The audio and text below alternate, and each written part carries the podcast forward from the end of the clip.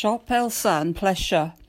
Un sy'n gorfod bod ei bus ar y puls ym myd ffasiwn ydy Eirwen Falks o Benmynydd, Ynys Môn. Fe magwyd ar fferm ac mae hi'n rhaeg fferm, ond mae hefyd yn berched ar siop ddillad i ferched, Elsa, yn Morth eithwy. Dyma ei holi hi a ei menter bedair blynedd ar ddeg yn ôl. Be wnaeth i chi agor siop ddillad? Roedd gen i ddiddordeb mewn dillad ers pan oedd yn blentyn, ac awydd agor siop ddillad ers blynyddoedd. Daeth siop yn wag yn y borth yn 2008 a dyma fentro addasu'r adeilad. A finnau yn hanner cant oed ar y pryd, teimlais mae dyma fy nghyfle i wireddu fy uchelgais. Penderfynais fynd i Lundain i wneud rhywfaint o waith ymchwil a dyna gadarnhau fy mhenderfyniad. Rwy'n dal yn hoff iawn o waith fferm ac yn aml byddaf yn mynd yn syth o'r siop adref i weithio efo'r defaid. Sut ydych chi'n dewis y dillad sydd yn y siop? Byddaf yn mynd i sioe yn Llundain ac i ystafelloedd arddangos dillad y Manceinion. Mae gofyn archebu dillad o leiaf chwe mis cyn y byddant ar werth.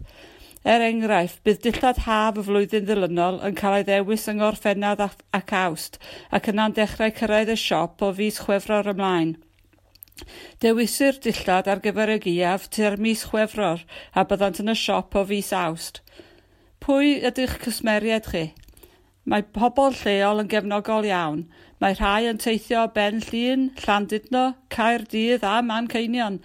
Mae porthaethwy yn denu twristiaid gyda digon o leoedd i gerdded yn yr ardal, amrywiaeth o siopau ar y stryd fawr ac wrth gwrs cyfle i brynu dilledyn y ddau.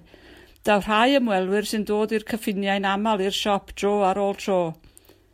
Pa mor dda ydych chi'n adnabod eich cwsmeriaid? Rwy'n teimlo fy mod i'n adnabod y cwsmeriaid selog yn dda iawn ac wedi dod yn ffrindiau efo nhw. Rwy'n gwybod yn union beth sy'n apelio at rai ohonyn nhw ac yn meddwl amdanynt wrth brynu dillad. Mae ambell i gwsmer yn gwybod, gwybod i'r dim sut dilledyn maen nhw'n ei eisiau, tra bod eraill yn falch o dderbyn barn y rhai sy'n gweithio yn y siop. Peth braf yw gweld cwsmeriaid yn barod i drio rhywbeth gwahanol ac yn cael ei plesio. Mae'r staff i gyd yn Gymru rhugol, a diddordeb mawr mewn ffasiwn ac yn adnabod eu cwsmeriaid. Yn wir, mae ambell i berson yn gofyn am sylw aelod penodol o'r staff. Ydych chi'n gwerthu mwy na dillad? Rydym yn gwerthu at oedolion. Mae gen i'n ddewis helaeth o sgarffiau a gemwaith gwisg, costiwm jwri, a pheth bagiau. Mae sgarff a bag yn gorffen y wisg a gemwaith yn ategu at y dilledyn. Rwy'n gallu prynu sgarffiau sy'n cyd-fynd ar gwisgoedd yn y sioeau ffasiwn. Mae Elsa wedi cynnal llawer o sioeau ffasiwn dros y blynyddoedd ac wedi codi miloedd o bunnoedd tuag at elusennau lleol. Sut ydych chi'n denu, denu'ch cynulleidfa a pha fantais sydd yna i chi? Dim ond sôn am sioe ffasiwn Elsa a byddai'r tocynnau'n diflannu fel y gwynt. Mae hynny'n wir gyda pobl leol yn, y, yn, yn dod o rhai o ben draw llun ac o'r dwyren ar hyd yr arfordir. Caiff y siop sylw da wrth gwrs ac mae'n gyfle i gwsmeriaid weld yr ystod o ffasiwn sydd ar gael mewn gwahanol feintiau yn y tymor hwnnw ac maent yn hoffi gweld person yn gwisgo dilledyn neu ddilledyn sy'n cyd fynd â'i gilydd. Be sy'n mewn ffasiwn ar hyn o bryd? Erbyn hyn, mae pobl yn chwilio am ddillad mwy siapus gyda dipyn o liw.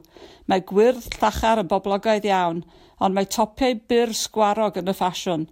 Er fod rhai trowseru coesau llydan ar gael, mae'n well gan bobl o rhai cil o hyd, ac mae clots o bob lliw yn mynd.